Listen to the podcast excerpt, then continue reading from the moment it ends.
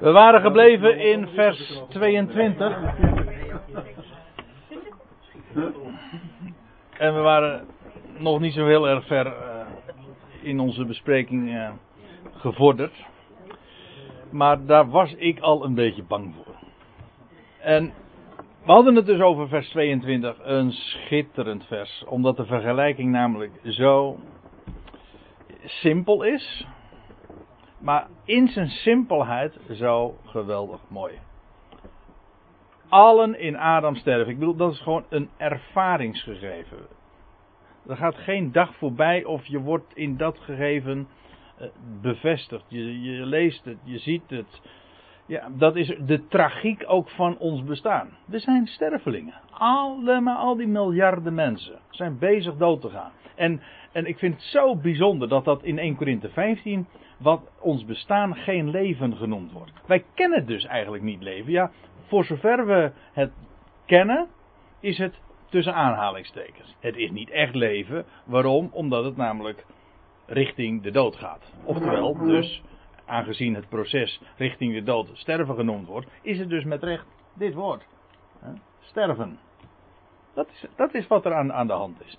Dat is de tragiek van het bestaan en het eindigt in de dood. Ja, en de dood is een vijand. Want God heeft namelijk de mens bestemd voor het leven. Dat wil niet zeggen dat er dus nu iets mis is gegaan. Nee, we zijn nu bezig met het, met het vormen van, of eigenlijk moet ik zeggen, God is bezig met het vormen van contrast. In deze sterfelijke wereld uh, is daar namelijk het allermachtigste feit heeft plaatsgevonden. Namelijk de dood is in principe overwonnen. Nou, daar gaat 1 Korinthe 15 over. Christus is opgewekt. Hij is de eersteling. En in, in dat hele verhaal van de Ionen in die wereldtijdperken. Dit is de middelste Ion. En in het midden van deze Ion stond het kruis. Hij stierf. Waarom? Om te kunnen opstaan uit de dood. Om de triomfator te kunnen zijn. De leeuw van Juda. Nou, hij is uit dien hoofde ook de Christus. Degene die geest, met geest gezalfd werd en daarom de levensvorst is. En in hem zal dit hele proces dus precies worden omgekeerd. Totaal. En wat wij nu nog leven noemen, dat is geen leven, dat is sterven. Maar er, wat God op het oog heeft, dat is leven. Voor wie? Wel voor dezelfde als voor die onderhevig zijn aan dat proces van sterven. Zo zullen ook in Christus de laatste Adam, allen levend gemaakt worden. Twee keer allen, en beide gevallen betreft het dus dezelfde categorie. Dat kan niet missen. Ik weet, daar eh, probeert men alles uh, aan te morrelen. En uh, bijvoorbeeld, men zegt dit. Uh, ja, dat zijn alle in Christus. Nou, dat is de ene, dat is een truc. Want dan maak je in, in deze, deze allen die in Adam sterven zijn dus heel veel. Dat is inderdaad universeel. Dat is het hele mensdom. Op het moment dat je hier maakt allen in Christus. Dat is dus een heel beperkt deel. Dus, namelijk dat zouden dan degenen zijn die geloven. Dan is Adam dus veel meer. Dan, heeft, dan neemt Adam in zijn dood, in zijn zonde, veel meer. Heeft een veel grotere impact impact, een universele impact namelijk. Maar Christus moet het met een, uh, een kleine koppel doen. Ja, en dan zullen we straks eventjes, ik heb er, ook daar heb ik geen dia van, ik heb uh, helaas, uh, nou ja goed, uh, dan kan u ook eens eventjes in uw bijbeltje bladeren, maar ik heb, ik had vanmiddag even wat, wat, te weinig tijd voor het maken van, van de dia's, vandaar dat, dat we wat meer bladeren dan gebruikelijk. Maar we zullen zien in Romeinen 5 dat Paulus juist zegt, iedere keer zegt, als hij Adam en Christus tegenover elkaar plaatst, dan zegt hij iedere keer, ja Adam dit, maar in Christus is veel meer. Iedere keer zegt hij, veel meer is echter. En, en, wat zegt, en wat zegt dan de theologie? Gewoon in het algemeen, ik zeg nu de theologie, omdat dit gewoon echt mainstream is. Nee, Adam is veel meer. Dat is universeel. En maar bovendien Men minimaliseert het niet alleen maar op eigen houtje. Men maakt daarmee niet alleen de boodschap zo met recht ook minimalistisch en uh, zo klein, zo benepen. Maar bovendien, het staat er ook domweg niet. Er staat niet allen in, er staat niet allen in Christus, er staat in Christus allen. Dus men wijzigt de tekst. U zegt, ja, dat is een kwestie van woordvolgorde. Ja, ik zal, ik zal, het zal je gedacht zijn. Door woordvolgorde kun je juist de hele zin compleet veranderen. Door hiervan te maken, voor, nu, door hier te maken allen in Christus, en dus de woordvolgorde te wijzigen, maak je de zin compleet anders. Komt dat nou door een gebrek aan geloof bij de vertalers? Ik vrees uh, van wel, ja. Ja, ik, kijk, het is niet aan ons om zulke dingen te beoordelen. Denk ik. ik. Ik bedoel, het gaat er niet om om in het hart te kijken van een vertaler en wat de achtergronden daarvan zijn. Ik kan me niet aan de indruk onttrekken. Trouwens, wacht even. Uh, in dit geval is dat sowieso onterecht, want de vertalers hebben dit ook correct weergegeven. Hè? Hier. En, de, en uh, de Statenvertaling staat ook gewoon ook in Christus allen. Ja, maar in NBG ook. Ja, oké. Okay. Ja, nee, dus wacht even. Wel, laten we eerlijk, eerlijk is eerlijk. De vertalers hebben het uh, zo weergegeven. In wat, waar, als ik zeg uh, niet allen in Christus, dan ga ik even niet in op wat de vertalers hiervan uh, van gemaakt hebben. Misschien dat de vertaler, vertalingen zijn, maar wat men erover zegt. Ik heb al zo vaak gehoord over 1 Korinthe 15 vers 22. Ja, maar daar gaat het niet over allen in Christus. Daar gaat het niet over alle mensen. Dat gaat over allen in Christus. Nou, als je dat zo uitlegt, dan, dan zit je de, uh, gewoon te rommelen aan de tekst. Wat zelfs, als ik het dan nog even zo mag zeggen, wat zelfs de vertalers niet hebben aangedurfd.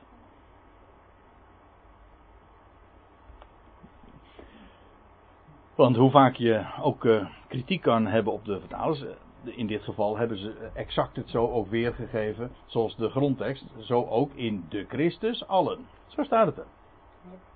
En zo zullen in Christus allen levend gemaakt worden. En, en wie zijn die allen dan? Wel. Lees, de context bepaalt de rijkwijden van het begrip. En dat is in dit geval heel simpel. Dat begint dus dat begint dus gewoon met deze vaststelling. Evenals. Dus dit, de, de vergelijking is perfect. Namelijk, in Adam allen sterven, in Christus allen levend gemaakt worden. Beiden is het universeel. Als deze, als deze zin geen uitzonderingen kent, gewoon een absolute regel is. En dus simpel, absoluut, universeel. Dan gaat het niet aan om hier van te maken enkelen, of van mijn part velen. Nee, allen is allen. Het, de waarheid is juist in die, in die universaliteit zo simpel. Er zijn namelijk geen uitzonderingen. U weet, regels maken worden altijd erg complex doordat er allerlei uitzonderingen zijn. Ik geef uh, enkele andere avonden in de week geef ik taalles. En uh, dan kom je erachter, uh, taalles aan allochtonen. En dan zeg ik heel vaak, ja, taal is geen wiskunde. En wat taal zo complex maakt, is dat allerlei grammaticale regels. Daar zijn tegen andere uitzonderingen op te bedenken. Dat maakt niet altijd, maar heel dikwijls wel. En dat maakt taalleren zo, zo moeilijk. Maar deze vergelijking hier is zo simpel, zo duidelijk. En Paulus maakt hem hier. We waren al even in Romeinen 5. En ik stel voor dat we toch nog eventjes teruggaan daar naar dat hoofdstuk. Omdat Paulus daar ook beide personen uh, contrasteert. Hij brengt ze, voert ze beide ten tonele, Adam en Christus, en hij vergelijkt ze. En we waren dus in Romeinen 5 vers 12. Zoals door een mens, één mens de zonde de wereld is binnengekomen en door de zonde de dood, zo is ook de dood tot alle mensen doorgegaan. Waarop allen zondigden. En nou moet u eens opletten, dan krijg je in vers 13 tot en met vers 17 een lange tussenzin. Want nou, uh, gaat Paulus dan vervolgens zeggen, want reeds voor de wet was de zonde in de wereld, maar zonde wordt niet toegerekend, nou ja, et cetera, et cetera. Tot met vers 17 volgt een tussenzin. Want, waaruit blijkt dat? Hij was begonnen in vers 12 met het begin van een vergelijking. Hij had gezegd, daarom, gelijk door één mens de zonde de wereld is binnengekomen. Nou, nou verwacht je dus, zo zal ook, dat is het begin van een vergelijking. Maar doet hij niet.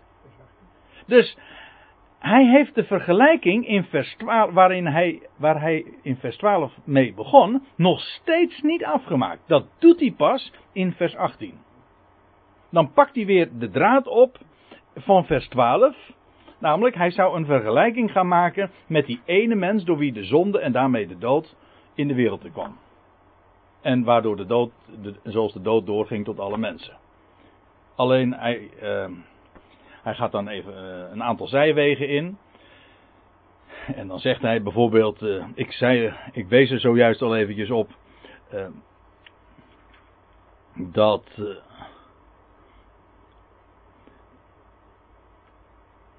dat Paulus dan diverse keren zegt, zoals bijvoorbeeld in vers 17, uh, want uh, indien door de overtreding van de ene de dood als koning is gaan heersen, door die ene, veel meer zullen zij die de overvloed van de genade en, nou, enzovoort. Dus iedere keer dat veel meer, dus iedere keer is het als Adam en Christus tegenover elkaar geplaatst worden, dan is Adam in alle opzichten de mindere van hem die zou komen. Adam is, zo hebben we het ook gelezen, eh, zo lezen we het in vers 8, nee, vers 14. Adam overtrad, staat er, die een beeld is van de komende. Een type staat er letterlijk in het Grieks. Hij is een type van hem die zou komen. Dus toen Adam uh, werd geformeerd, en dat was niet, hij, hij figureert als type van iemand die, van de degene die zou komen. De laatste, de definitieve versie. Hij was alleen maar een. Uh,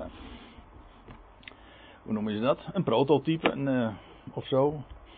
Nou, zelfs dat woord is niet uh, helemaal correct.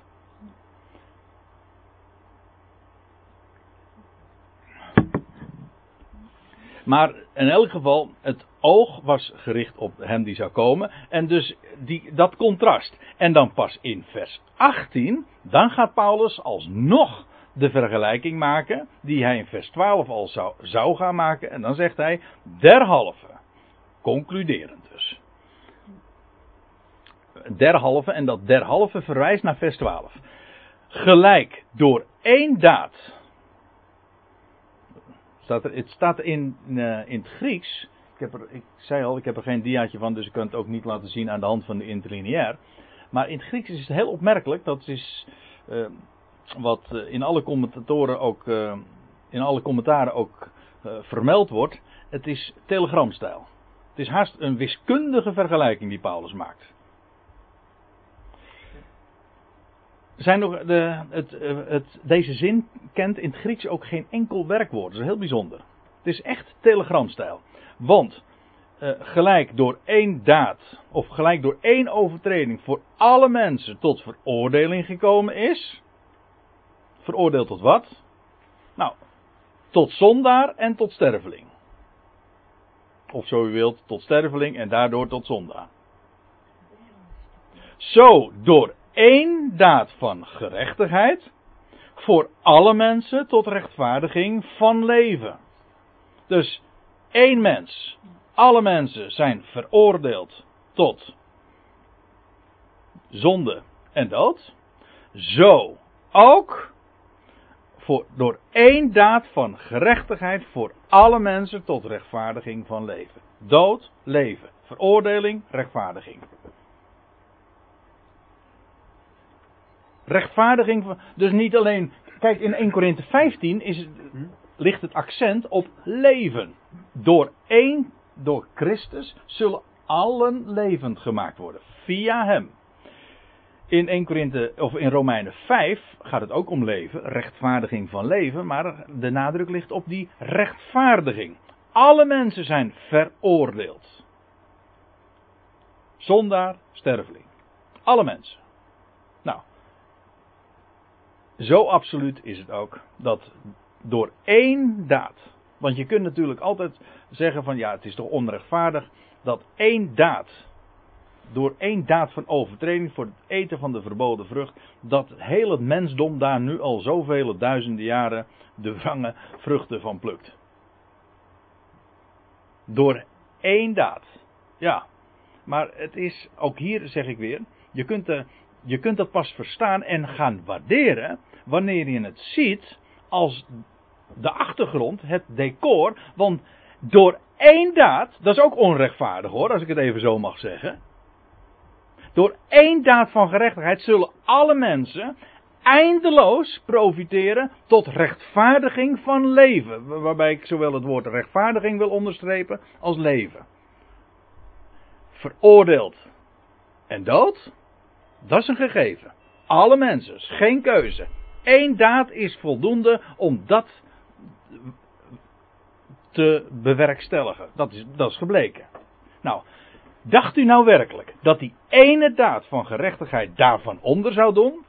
Om het even met Paulus te zeggen, dat zij verre. Volstrekt niet. Het is zelfs de gedachte, als, ik het zo, als, je eenmaal, als je eenmaal op deze Bijbelse lijn zit, wordt dat zelfs blasfemisch. Ik vind het blasfemisch om te zeggen van ja, Adam die heeft allen in de zonde en de dood meegenomen en Christus, ja, daar moet je even kiezen en zo. Nee, door één daad. Eén daad is genoeg. Zo heeft God dat gesteld. Ja, want nou moet je nog even verder lezen. Als we dan toch in Romeinen 5 zijn. Want ja, we hebben het over die vergelijking Adam-Christus. Dus ik heb een goed excuus om hier toch even ook te blijven hangen. Uh, want gelijk door de ongehoorzaamheid van één mens. En dan staat er zeer velen. Bestaat er niet hoor. Er staat gewoon de velen. Wie zijn die velen? Dat zijn de allen van vers 18. Dat zijn er inderdaad. In het ene geval wordt er uh, de nadruk gelegd op het feit dat er geen uitzonderingen zijn. En in het andere geval wordt er de nadruk gelegd op het grote aantal. Maar dat is geen tegenstelling. Want gelijk door de ongehoorzaamheid van één mens de velen zondaren geworden zijn. Maar als u een statenvertaling hebt, dan staat het correct. In de MBG is het weg, een beetje weg, is het wegvertaald. Inderdaad, er staat in de statenvertaling correct.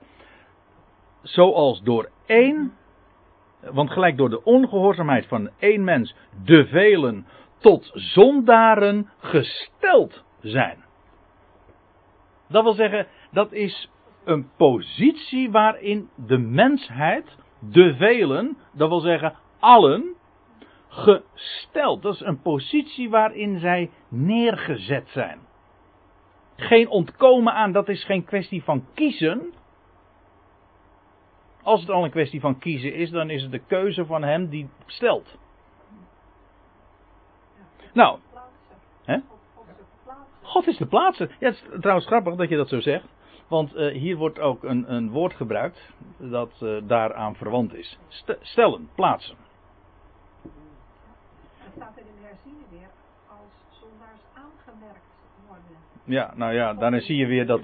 Ik heb nou al de laatste. Je, je zegt dat nu zo over de herziene statenvertaling. En ik zeg dat nou niet om onaardig te wezen. Maar ik heb juist de laatste weken. Het is niet te geloven. Maar ik heb. Uh, zoveel voorbeelden zijn er voorbij gekomen van waarin de herziene staten, waarin de statenvertaling die nu dus herzien is, of ja, zo, zo heet het toch? Ja, herzien is, waarin ze juist op cruciale punten echt falikant de fout ingegaan zijn. Dus maar niet alleen de taal gemoderniseerd heeft, dat, dat zou mooi zijn.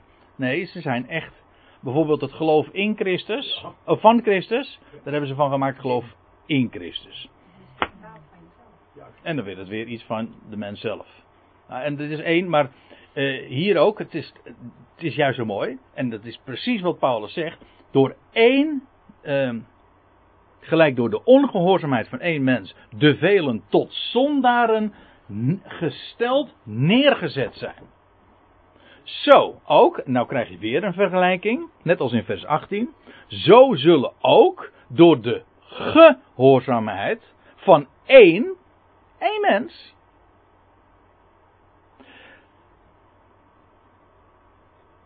De velen rechtvaardigen, tot, ook hier krijgen we weer exact hetzelfde woord gebruikt, tot rechtvaardigen gesteld worden. Eén mens heeft een bereik, een impact voor de velen, dat wil zeggen de allen. En zij worden tot zondaren gesteld, zo worden ze neergezet, en ze worden ook tot rechtvaardigen gesteld. Hoe komt het dat wij een zondaar zijn? Hebben we daarvoor gekozen? Nee, dat was je al toen je in de wieg lag. Hoe word je een rechtvaardige? Doordat je daarvoor kiest? Nee, dat word je, daartoe word je gesteld. Inderdaad, God doet dat door middel van geloof. Hij brengt tot geloof. Hij overtuigt ons. Maar dat is precies wat hij ook gaat doen. Hij gaat alle mensen op de knieën brengen. Nou, het gaat me nu even trouwens er niet om hoe hij dat doet. Het gaat er nu even om dat hij het doet. Dat impliceert dat niet uh, ook levend gemaakt wordt. En dat is waarschijnlijk de moeilijkheid voor een gemiddeld menselijk denken. Van, nou, ik geloof het niet. Dat, dat eerste, dat kan ik wel begrijpen dat iedereen sterft. Maar dat tweede, al het leven gemaakt wordt, dat kan ik eigenlijk niet zo goed zien. Nee, maar we kun, je, je, er valt sowieso niks te zien. Ze gunnen die slechte mensen de helft. Juist, dat is het. Ja, ja eindelijk gerechtigheid. Hè, voor zover. Ja. Ja. Ja, nou weet je, ik, daar, ook daar, daar moet je mee uitkijken, want je, je generaliseert dan gemakkelijk over, over het moment dat je gaat praten over motieven van mensen waarom ze dit zo zien. Kijk, een heel, er is een categorie die dat misschien echt met volbedachte raden zulke eh, kwade intenties hebben. Mensen die gewoon Ja. Ja, dan hebben een heleboel mensen nog wel de gedachte. Ja. Maar, weet je, eh, over, het gaat nu even niet over de motieven van mensen waarom ze in iets geloven. Eigenlijk interesseert het me ook niet zo. In dit verband. Eh, het gaat mij nu vooral om te laten zien wat er staat. En hoe geweldig, niet alleen logisch het is, hoe duidelijk het is. En ik, ik, ik vind het heerlijk om u erop te wijzen hoe het er precies staat. Dat het er, kijk, het staat hier al prachtig. Hè? Ik, ja, zelfs, zelfs de MBG-vertaling, als je dit leest, dan, word je hart helemaal blij van. Maar het staat er nog veel mooier. Ik bedoel dat tot rechtvaardigen gesteld worden. Ik vind het geweldig dat dat, dat zo is. Dat, dat, is. dat is God. Dan denk je van ja, wat een mens heeft daarbij niets in te brengen. Ja, Al die slechte mensen zoals Hitler is van ook gesteld. tuurlijk. Ja, het, is, het gaat hier. Dan moet je daar ook geen moeite meer mee hebben, want het is volgens Gods plan dat kan worden. Het is. eh, de, als je nou vraagt van eh, die ook, of die ook, eh, ja, dat is natuurlijk totaal niet eh, interessant. Er zijn natuurlijk allerlei gradaties in, in slechtheid en zondigheid. Eh, maar laten we wel wezen. Paulus was toch de grootste Ja. dus er is geen grotere als Paulus. Ja, precies. Ja. Ja. En de wet blijkt er ook helemaal geen enkel verschil daarin maken. Want als Paulus dan nog eh, even verder gaat in vers 20 van Romeinen 5. Maar de wet is er alleen maar bijgekomen. eh opdat, zo staat het er hè. En de, de Statenvertaling is daarin correct. Niet de MBG. Er staat niet, de wet is erbij gekomen zodat de overtreding toenam. Maar er staat letterlijk, de wet is erbij gekomen zodat de overtreding zou toenemen. Dus het is maar niet een, een, eh, een, een, een kwalijk gevolg dat niet gepland was. Nee, God gaf de wet niet opdat de overtreding of omdat de zonde minder zou worden. Het was precies omgekeerd. God gaf juist de wet opdat de overtreding zou toenemen. En dan vervolgens, waar evenwel de zonde toenam, is de genade meer dan overvloedig geworden. Dit zijn allemaal stuk voor stuk opgestapelde bewijzen die laten zien dat God door middel van contrast werkt. Veroordeling, rechtvaardiging. Dood, leven. Hier, de wet gaf hij niet op de, dat een mens beter zou worden, maar opdat de overtreding zou toenemen. Was dat Gods doel dan? Nee, dat was een subdoel. Zijn doel was dat de genade overvloedig zou worden. Maar daarvoor heb je een achtergrond nodig van veel overtreding. En dat is allemaal de, de inzet. Waar je hier in Romeinen 5 tegen aanloopt. Het is zo onmiskenbaar. Is een God die een plan uitwerkt. Waarbij ook het kwaad, zoals Ari dat in de, eh, het gebed eh, vooraf ook nog zei: Het kwaad is in goede handen. Het kwaad is maar geen bedrijfsongeval. Er is een God. Hij plaatst alles. En ik zou zeggen, prijs God dat dat de waarheid is. Want dit is zo geweldig evangelie. Dit is ook een bericht, het is een mededeling. Dit is God. Hij plaatst, hij laat het leven triomferen. En in Christus is dat allemaal al, ligt dat vast. Hij is de eersteling en in hem, en er is geen ontkomen aan, zullen allen, ieder in zijn eigen rangorde, dat wel, niet allemaal tegelijk, maar zullen allen levend gemaakt worden. Namelijk de allen die in Adam sterven. Ja, en als je dan zegt, maar hoe gaat dat dan? Nou, kijk, dat is wel mooi wat Paulus dan hier naar voren brengt. In, eigenlijk in het navolgende. Kijk, het feit eerst is gesteld. Christus is opgewekt. Vervolgens heeft hij nu aangegeven wat de betekenis daarvan is. Christus is de eersteling en in hem zal, zullen allen worden levend gemaakt. Dat wil zeggen, heel het mensdom dat nu onderhevig is aan de dood. En hij gaat ook vertellen van in welke opzicht dat, die, dat leven, die levendmaking gaat plaatsvinden. Dat zullen we later in het hoofdstuk zien. Wat voor karakter dat heeft, dat opstandingslichaam. Maar nu, eerst laat hij nog zien in welke in, als ik het eventjes uh, geleerd mag zeggen, in, in, in welke chronologisch tijdpad dat zal plaatsvinden. Hoe, hoe en vooral wanneer gaat dat dan zijn beslag krijgen? Nou, dat is in vers 23 het navolgende. Maar zegt hij, ieder, hij had het over allen, maar ieder in zijn eigen rangorde. Hier wordt een militaire term gebruikt. Trouwens, ons woordje rangorde is eigenlijk ook een, een militaire term, een, zijn eigen legerafdeling. Het is heel duidelijk gearrangeerd. God zegt, zo zal het gaan. En niet allemaal tegelijk, ieder in zijn eigen rangorde. Christus als eersteling, let op, hij is de eersteling. We hadden het al eerder over die term en over de dag van de eerstelingsscharven. En hier wordt weer exact dezelfde term gebruikt. Christus is de eersteling, de garantie. Dat allen zullen worden levend gemaakt. En hierin, moet, dan moet ik trouwens nog iets zeggen. Want eh, als je zegt, Christus is de eersteling, dan zou je kritiek op kunnen hebben. Als je oppervlakkig leest, dan zou je kunnen zeggen van hallo, maar dat klopt toch niet? Als je je Bijbelse geschiedenis goed kent, dan weet je dat voordat Christus opstond, er al vele andere, of vele andere, maar in ieder geval heel, toch, je zou, je zou er eh, een heel aantal mensen kunnen opsommen waarvan de Bijbel een melding maakt die opstonden uit de doden.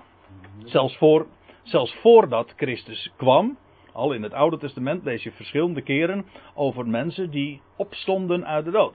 Uit de doden. En tijdens het ver, de rondwandeling van de Heer Jezus. We hadden het zojuist over Lazarus, maar wat dacht u van de jongeling van Nain? Er zijn nog een aantal anderen die, eh, die ook opstonden. En hoe kan Paulus dan zeggen dat Christus de eersteling is? Ja, en dat is nou het hele punt waar Paulus het over heeft. Christus is niet de eerste die opstond, maar hij is de eerste die werd levend gemaakt. En dat is het grote verschil. Levend gemaakt heeft hier echt de betekenis van echt leven. Niet langer een sterveling zijn, nee, levend gemaakt. Kijk, al die mensen waarvan uh, in de Bijbel sprake is die uh, opgestaan zijn uit de dood, zoals bijvoorbeeld Lazarus. Wat gebeurde er met hen? Zij stonden inderdaad op uit de doden, maar zij keerden terug naar het sterfelijke bestaan. En zij stierven dus feitelijk een tweede dood. Ik gebruik expres eventjes deze dubbelzinnige term. Ze moesten later nog een keer sterven. Maar dat was dus niet, zij, het was dus niet een, een, een leven dat zij ontvingen van een, een heel andere orde. Nee, zij keerden terug naar een sterfelijke bestaan.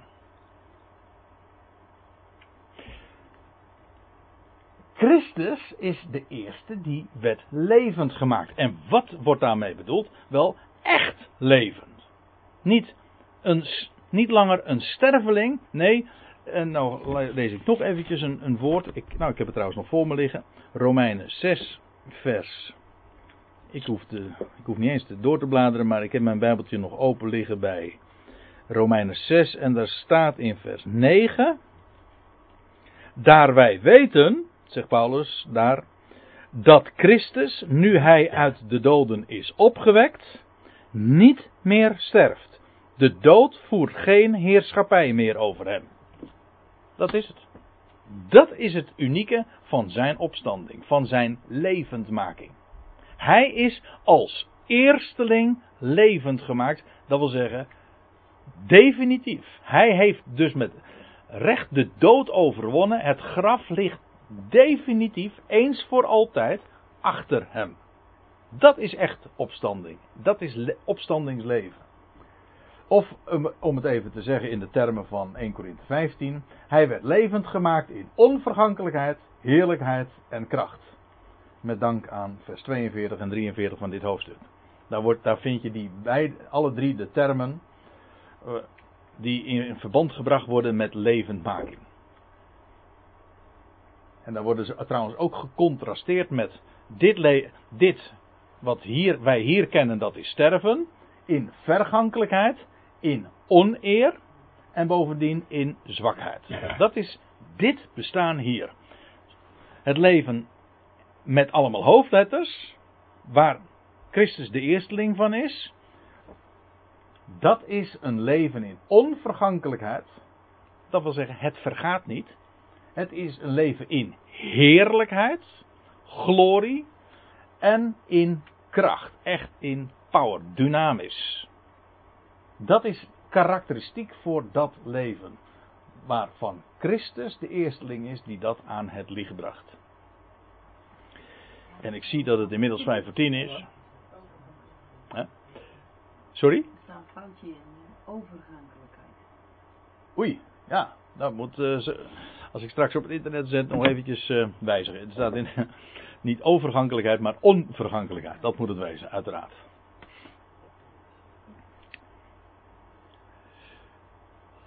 Ja, nou, um, zo zijn we aangekomen in vers 23. En we zijn, er zijn nog een aantal prachtige versen te gaan. We worden hier echt op de, de bergtoppen van de, het Bijbels landschap geplaatst. Met een geweldig uitzicht naar zelfs het, naar het verste tijdstip wat je je maar kunt bedenken. Namelijk zelfs dat er een einde gaat komen aan de heerschappij van Christus en zijn afstand, van, uh, zijn afstand doen van de troon, zijn abdicatie, om het even netjes te zeggen. Dat is een woord dat ik sinds vorig jaar pas ken hoor trouwens.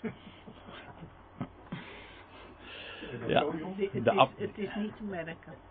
Abdicatie, ja, de troonsafstand doen. Ja. Maar we zullen daarover lezen in vers uh, 26, 27. Dus we gaan nog uh, prachtige versen tegemoet. Maar het feit ligt er en staat er. De dood is overwonnen. En wat een geweldige rijkwijde heeft dat feit. Dat is uh, erg veel reden om, uh, om onze God, om onze levende God te danken, nietwaar? Zullen we dat doen? Machtig God en Vader, wat is het geweldig dat u ons zo'n goed bericht hebt toevertrouwd. Dat we dat zwart op wit mogen lezen, dat we dat niet hoeven te fantaseren.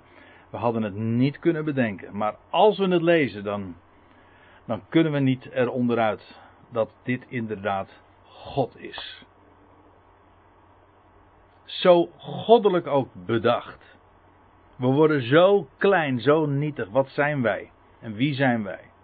Zondaren, stervelingen. Nietige mensen. Maar wat een immens plan hebt u. En het is zo geweldig dat er bij u nooit iets misging. Gaat en misging en ook nooit mis zal gaan. En dat we daarom ook vrede en rust in het hart mogen hebben. Heer, wat een enorme vreugde. Wat een geweldige toekomstverwachting. Wat geweldig dat u de dood niet doet en allen gaat levend maken. Met minder bent u niet tevreden. En Heer, we verblijden ons met grote vreugde daarin. We danken u dat we zo in dit sterfelijke, vergankelijke bestaan, zo de levende God mogen dienen. En dat ons bestaan zin en inhoud heeft. En dat we opgewekt, letterlijk en figuurlijk mogen leven.